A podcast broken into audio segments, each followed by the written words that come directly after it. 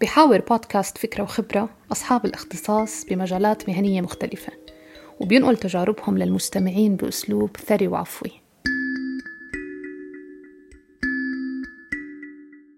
بكل حلقة حيكون في ضيف قرر يشاركنا تجربته المهنية والإنسانية بحوار مدته 30 دقيقة.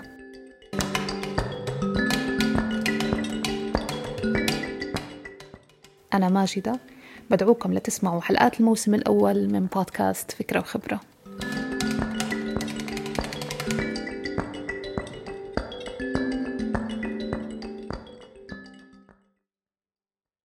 ريادة الأعمال المجتمعية هو نهج أفراد أو مجموعات من خلاله بيطوروا وبينفذوا حلول للقضايا الاجتماعية والثقافية والبيئية. لما شخص بيهتم بقضية معينة لكن ما بيقوم بمجهود لحتى يعالجها أو يعزز اهتمامه فيها فهو ناشط اجتماعي بدافع عن قضية مآمن فيها فقط. لكن الريادي الاجتماعي هو اللي بيطور حلول فعالة ومستدامة تترك أثر بدون ما يحدوا إطار زمني بل بالعكس بضل مواظب على تجميع الموارد وتوظيف المهارات. خالد حجاب هو ناشط حقوقي وريادي اجتماعي المؤسس والمدير التنفيذي لتك ترايبس المنظمة اللي قدرت تدعم الجهود الشبابية وأيضا جهود المنظمات الحقوقية لحتى تتصدى لأهم التحديات المجتمعية. تواصلت مع خالد لحتى يكون ضيفي بحلقة فكرة وخبرة للموسم الأول ووافق يكون موجود ويخبرنا عن تجربته كريادي اجتماعي وعن إنجازاته بما يخص رقمنة التغيير المجتمعي. خبرنا عن التحديات اللي واجهته وقدم توصيات لكل الرواد والمبتكرين أو لأي شخص حاب ياخد فكرة مشروعه لحيز التنفيذ.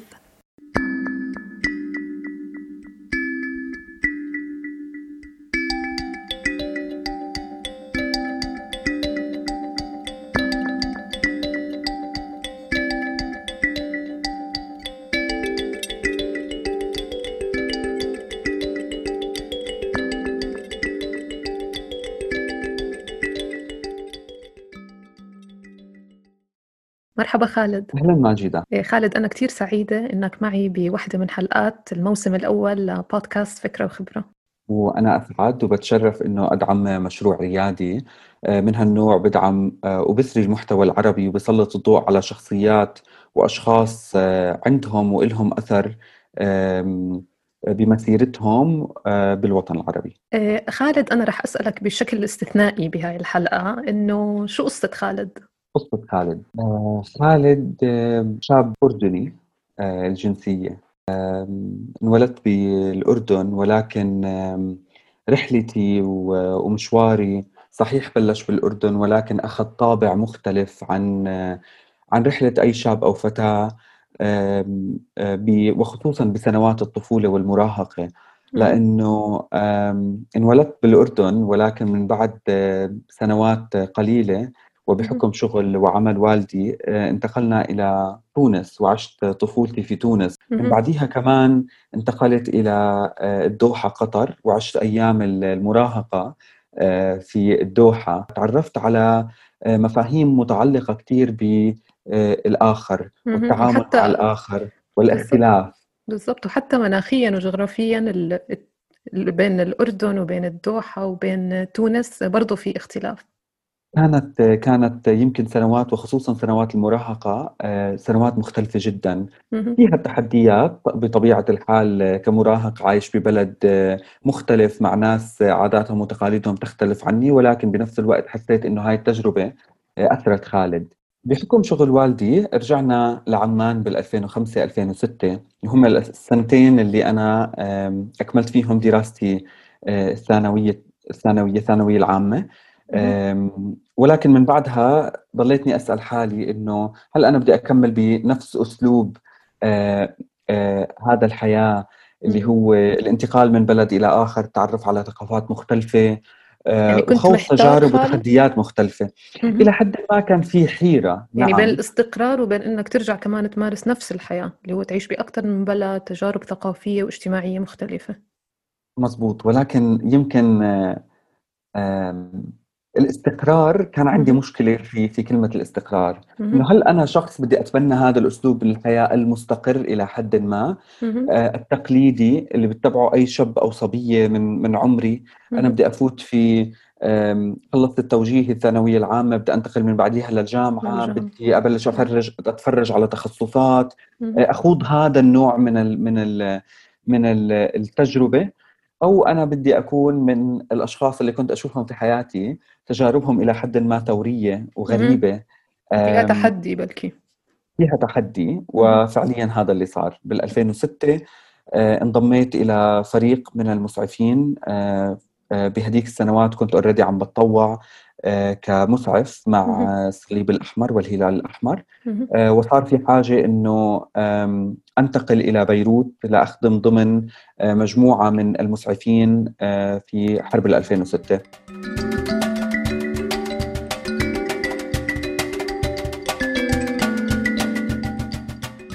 فعلا هذا اللي صار خلال 2006 رجعت على بيروت آه، مكان حبيته وحبني أعطيته وأعطاني كثير.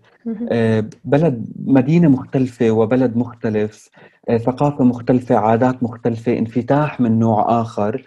آه، فكر سياسي واجتماعي خدني ليمكن فهم خالد بطريقة أفضل فهم توجهات خالد وأعطاني نوع مختلف من النضج. ووقتها انتهى في المطاف بالجامعة الأمريكية في بيروت.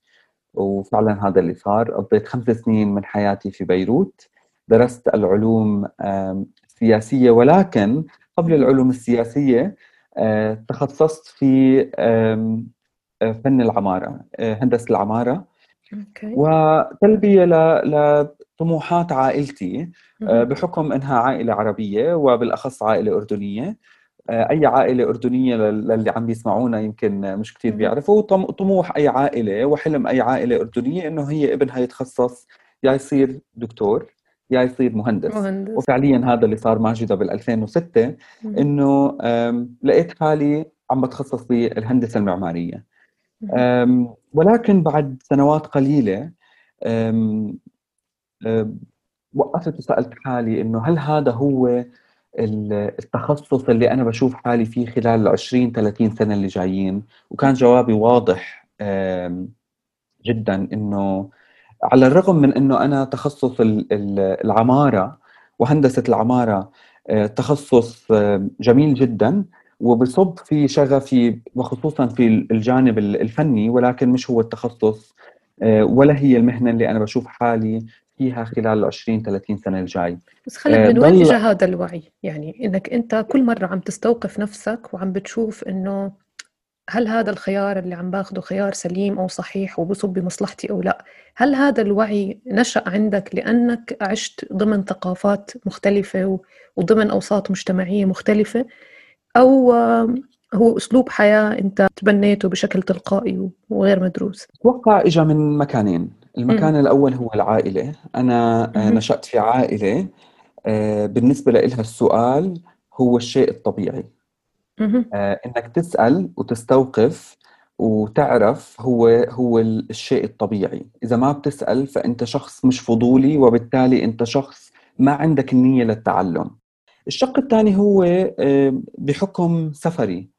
آه، وتنقل عائلتي بين بلدان مختلفة وبحكم إني عشت بثقافات آه، آه، ونوع من أنواع الانفتاح المختلف وتعرفت على ثقافات وعادات مختلفة. علمت إنه أنا آه، ما آخذ الأمور آه، بشكلها ال- الظاهر ولكن الاستيقاف. تستوقف نفسك كل فترة وفترة وتسأل إنه هل أنا ماشي على الخط الصحيح؟ على الخط الفكري والتعليمي والحياتي الصحيح ولا أنا بدي أغير هذا أسلوب الحياة كل فترة وفترة.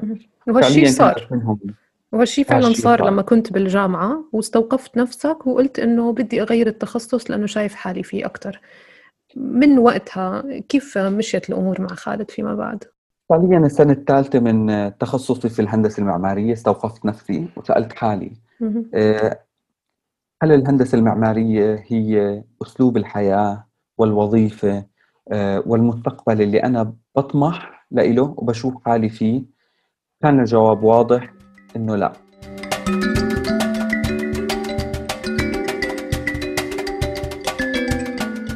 قررت بناء على هذا الكلام مهم. إنه أحول تخصصي إلى آه، علوم سياسية علاقات دولية مهم. مع تخصص فرعي هو في حقوق الإنسان والعدالة الانتقالية. وهذا كان أقرب ما يمكن لطموحاتي إنه أنا شخص بدي أشتغل بالميدان. بدي أفهم تحديات آه، الناس المجتمعات آه، الأقل حظا المجتمعات المستضعفة وأحاول أخدمهم بافضل طريقة ممكنة أوجد حلول ممكن تكون حلول تحدث فرق في حياة هدول الأشخاص. آه، بدنا نخلي كمان بعين الاعتبار إنه في هذيك الفترة أنا كنت بعدني كمان صغير. فأغلب هاي المفاهيم كانت جديدة علي. أنا شخص عنده دافعية عنده حماس لخلق حياة أفضل للآخرين ولكن الطريقة والمنهجية ما كانت واضحة بالنسبة لي. وهذا صقلها الدراسة.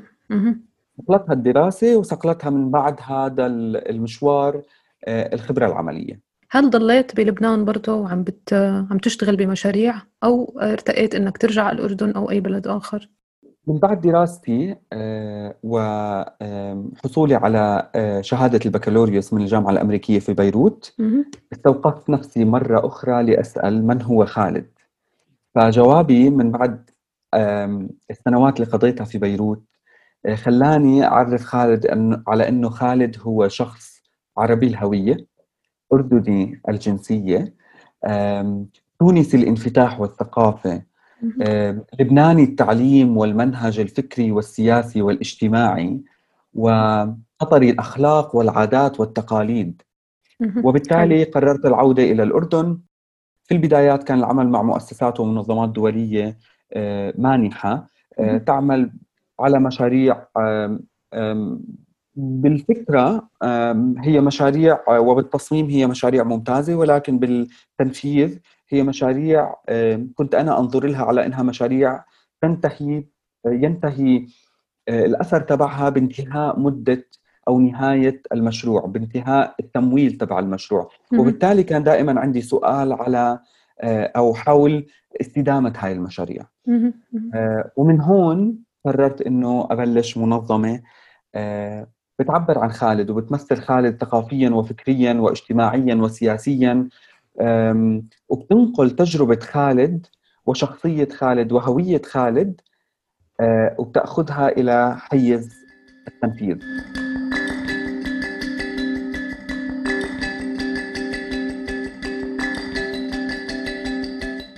Tech Tribes كمان للمستمعين اللي ما بيعرفوا Tech Tribes هي منظمة غير هادفة للربح.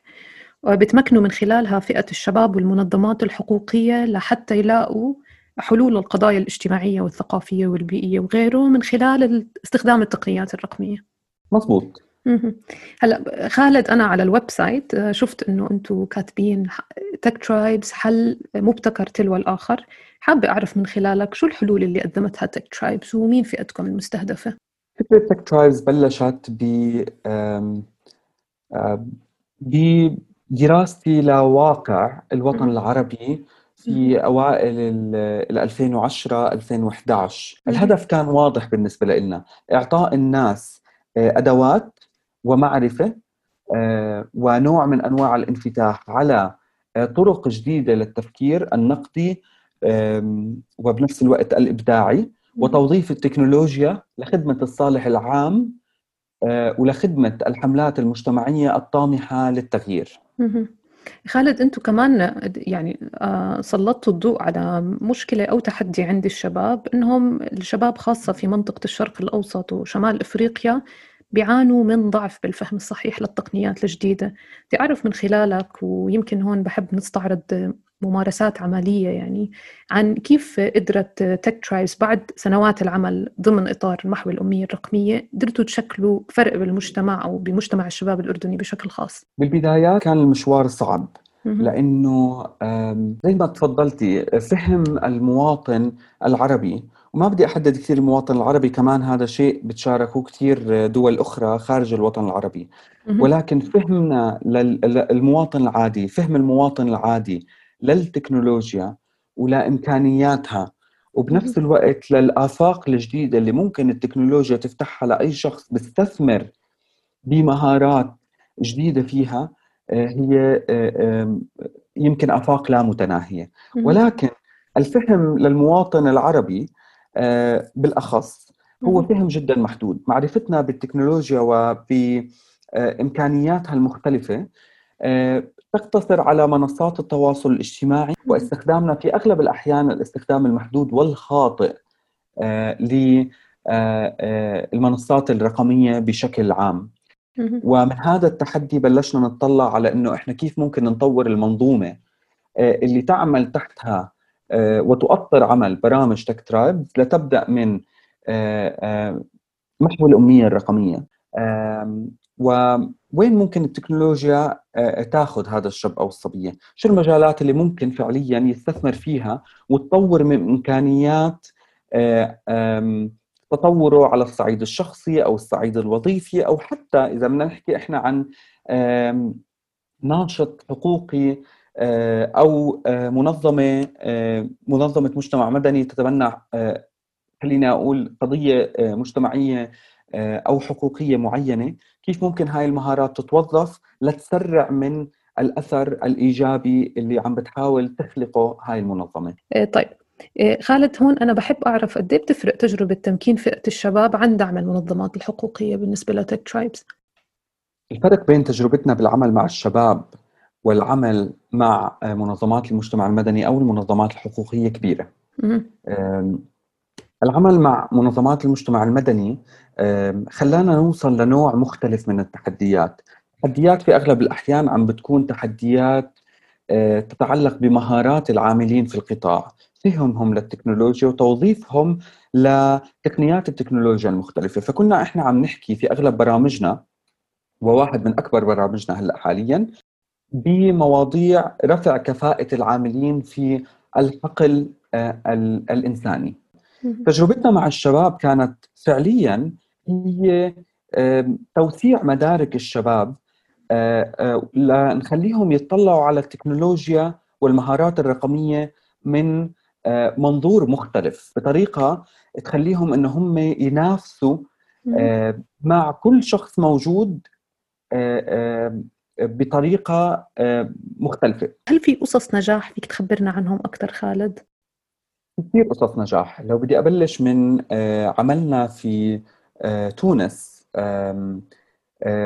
خلال السنوات الماضية اشتغلنا مع عدد من المنظمات الحقوقية التونسية على فكرة آه، توظيف التكنولوجيا لرصد الانتخابات ورصد انتهاكات آه، عادة آه، بتصير خلال الانتخابات. بمصر وظفنا التكنولوجيا وخلطناها وشبكناها مع عدد من مفاهيم الابتكار. لنحكي عن مفاهيم الابتكارات مفتوحة المصدر وابتكارات التشاركية. لحتى نشتغل مع المبتكرين من مصر للوطن العربي آه، لتحسين جودة وأداء العمليات والمنتجات وحتى السياسات اللي بتتبناها آه، مؤسسات مصانع آه، أو حتى شركات بتنتج منتجات معينة عندها تحديات بما يتعلق بالمنتج أو بالعملية وعم بدوروا على حلول جديدة.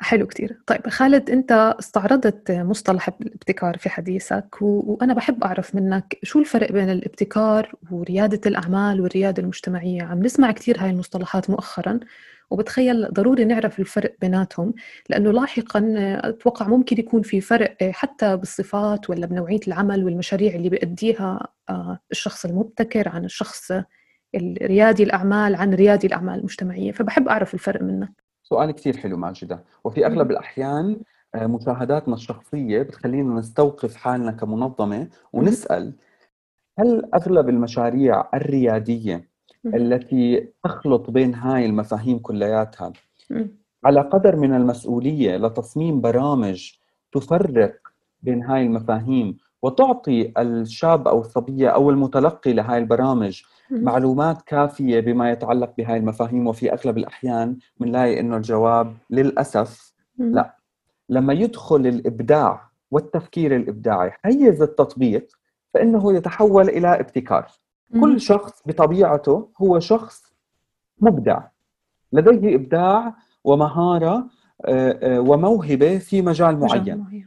ولكن لما يقرر يستثمر هاي المهارة ويبلش يطبقها في مكان معين لخدمة هدف معين هون بننتقل من حيز الإبداع إلى حيز الابتكار. وهل ريادي الأعمال بيكون عنده منتج آه، مبتكر أو الموضوع منفصل؟ هذا يعتمد على المعايير التي نتبناها عادة عند تعريفنا للابتكار. هل الابتكار بدنا نسأل حالنا هل الابتكار اللي إحنا عم نطلع فيه هل هو ابتكار لشيء جديد غير مسبوق؟ لأنه لازم يكون جديد وغير مسبوق وسياقه وتطبيقه جديد. فإحنا هون عم نحكي عن الحداثة أو هذا النوع الأول. النوع الثاني هو التحسين لأنه لا ما لا يمكننا أن نسمي توليد الحلول الابتكار يعني ننتقل من توليد الحلول بس إحنا عم نطلع بحلول على إنها ابتكار ما لم تكن مخرجاتها أكثر فاعلية وأكثر كفاءة أو أكثر استدامة من البدائل الموجودة حاليا. وقابله للتنفيذ طبعا بالسياق. طبعا طبعا. إذا إحنا مش قادرين ناخذ الحلول الموجودة حاليا ونطور ونحسن منها فإحنا ما عم نبتكر شيء جديد. هلأ هون شو بصير الفرق بين ريادة الأعمال وريادة الأعمال الاجتماعية؟ حلو. إذا إحنا حكينا إنه الأساس لأي شيء مختلف أنا عم بطرحه بالسوق هو فكرة دخلت حيز التنفيذ وأصبحت ابتكار. فريادة الأعمال هي الريادة من تسميتها هي عمل الشيء بأنك تكون أنت سباق. يعني أنا بدي أفوت مجال جديد بدي أطلع أنه أنا اللي عم بطرحه هو شيء مختلف ونوعي لم يتم عمله بنفس الطريقة اللي أنا عم بطرحها. تمام؟ طب ريادة الأعمال المجتمعية؟ ريادة الأعمال المجتمعية وهي مفهوم جديد على منطقتنا العربية بمفهومها الأساسي شبيهة جدا بريادة الأعمال اللي هدفها ربحي. ولكن تتطلب مهارات مختلفة من رائد الأعمال لأنه بنسميه رائد أعمال اجتماعي. يتحلى بقدرة على آه، أول شيء فهم ذاته ومحيطه والتحديات المتعلقة في محيطه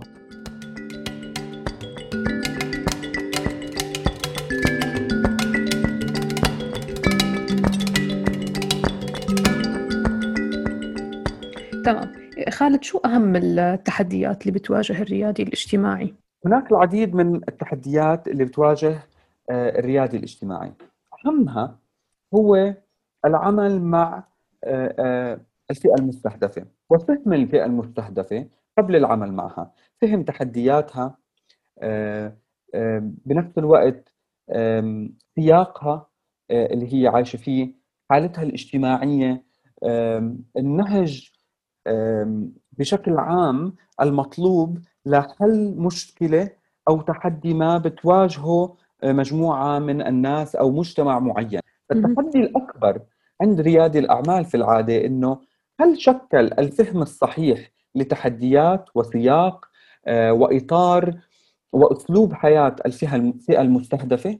هل الفئة المستهدفة جزء من إيجاد الحل اللي هو مفهوم إحنا بنسميه تصميم متمحور حول المستخدم أو بالإنجليزي User Centered Design اثنين فهم الريادي الاجتماعي ل وضع سوق العمل.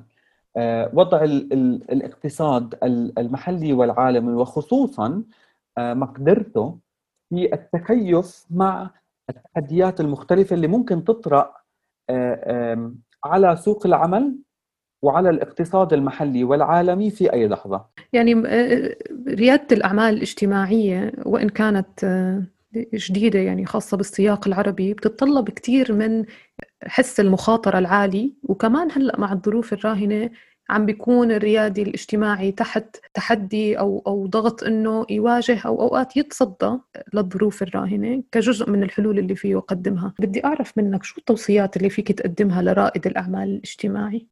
من أهم التوصيات اللي دائما بأكد عليها لأي رائد اجتماعي إنه تحلى بمقدرة أو قدر من الصبر يسمح لك إنه تستثمر وقت كافي في فهم الفئة المستهدفة اللي عم بتحاول توجد التحدي لها. اثنين أنصح أي رائد أعمال أو رائدة أعمال إنه آه، يفهم سوقه المحلي ويفهم التحديات اللي بيواجهها السوق المحلي وبالتالي دائما بده يكون على اطلاع ودراسة بتوجهات السوق المحلي. وأخيرا هو آه، إذا بنحكي ريادة أعمال اجتماعية فالهدف الأساسي من ريادة الأعمال الاجتماعية هي خلق حلول تخدم الصالح العام تحل مشكلة آه، آه، اجتماعية أو تعليمية أو حتى سياسية أو بيئية معينة. والهدف منها هو الاثر الاجتماعي. تمام. خالد آه، بالحديث عن التحديات بوحدة من مقابلاتك التلفزيونية ذكرت أنه لازم نبعد عن فكرة الحافز المادي وأنه آه، ننشئ جيل حاب يغير وعنده تطلع للمستقبل. قد إيه بتحس إنه العبء المادي ممكن يشكل قلق لصاحب الفكرة الريادية؟ العبء المادي في أغلب الأحيان بشكل قلق وقلق كبير لصاحب فكرة رياديه وخصوصا إذا كان الاستثمار غير موجود آه، لا يبلش هاي الفكرة. فنصيحتي لأي رائد أعمال إنه بلش بالأساسيات. اختبر هاي الفكرة. آه، برهن لحالك إنه هاي الفكرة وبرهن للفئة المستهدفة إنه هاي الفكرة قابلة للتطبيق وقابلة ل إيصالك لحلول وإيصالهم لحلول ممكن تحل مشكلة بيمروا فيها. ومن ثم انتقل إلى مرحلة الاستثمار. وبمرحلة الاستثمار إذا أنت عامل الدرس الأساسي اللي أنت عليك آه، تعمله رح تلاقي مستثمرين ورح تلاقي اهتمام كثير كبير. حلو حلو كثير طيب خالد آه، بالنهاية بحب أشكرك. انك قبلت دعوتي آه، وشاركتني بوحدة من حلقات فكرة وخبرة. شكرا لمشاركتك لتجاربك العملية وشكرا لكل النصائح اللي قدمتها. لكل شخص مهتم بريادة الأعمال المجتمعية. بشكرك ماجدة على الاستضافة من جديد. حلقة نوعية. آه، أتمنى أنه آه، مستمعين آه، مستمعينا من الوطن العربي يستفيدوا منها ويكونوا تعرفوا على شيء حتى لو بسيط. وتعرفوا على مصطلحات جديدة. وقدرنا نوضح لهم حتى لو بشكل آه، بسيط آه، جزء من المفاهيم اللي عادة هم بيسمعوا عنها ولكن آه، ما بيعرفوا كثير وما بيتعمقوا فيها وما بيعرفوا كثير عنها. فبرجع بشكرك وبتمنى لك. التوفيق لك وللمشروع شكرا كثير